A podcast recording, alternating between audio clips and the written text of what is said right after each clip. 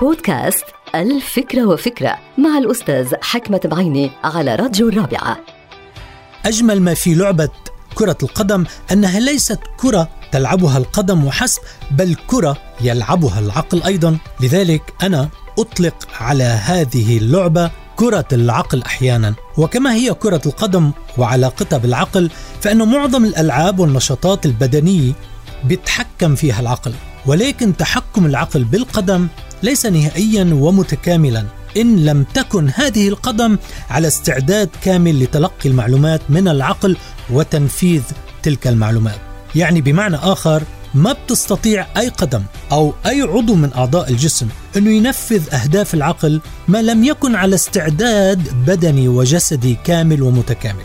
وهنا لابد من التأكيد إنه العلاقة علاقة العقل بالجسد ليست محكومة من طرف واحد.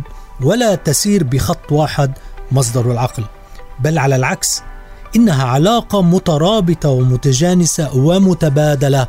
فلو افترضنا انه أحد اللاعبين بيملك عقل فذ وذكاء مميز ولكن ما عنده اللياقة البدنية بهالوضع ما في شيء حينفعه لأنه علاقة الجسد بالعقل مهمه جدا. وعكس ذلك صحيح فلن ينفع أي قدم قوية كانت أو رياضية. بأن تفعل فعلها من دون ذكاء مميز وعقل فذ وقادر على التلاعب بالكرة. من دون هالعلاقه الصحيه بين العقل والجسد سيتعثر أي لاعب أمام الكرة ويخسر أي مباراة.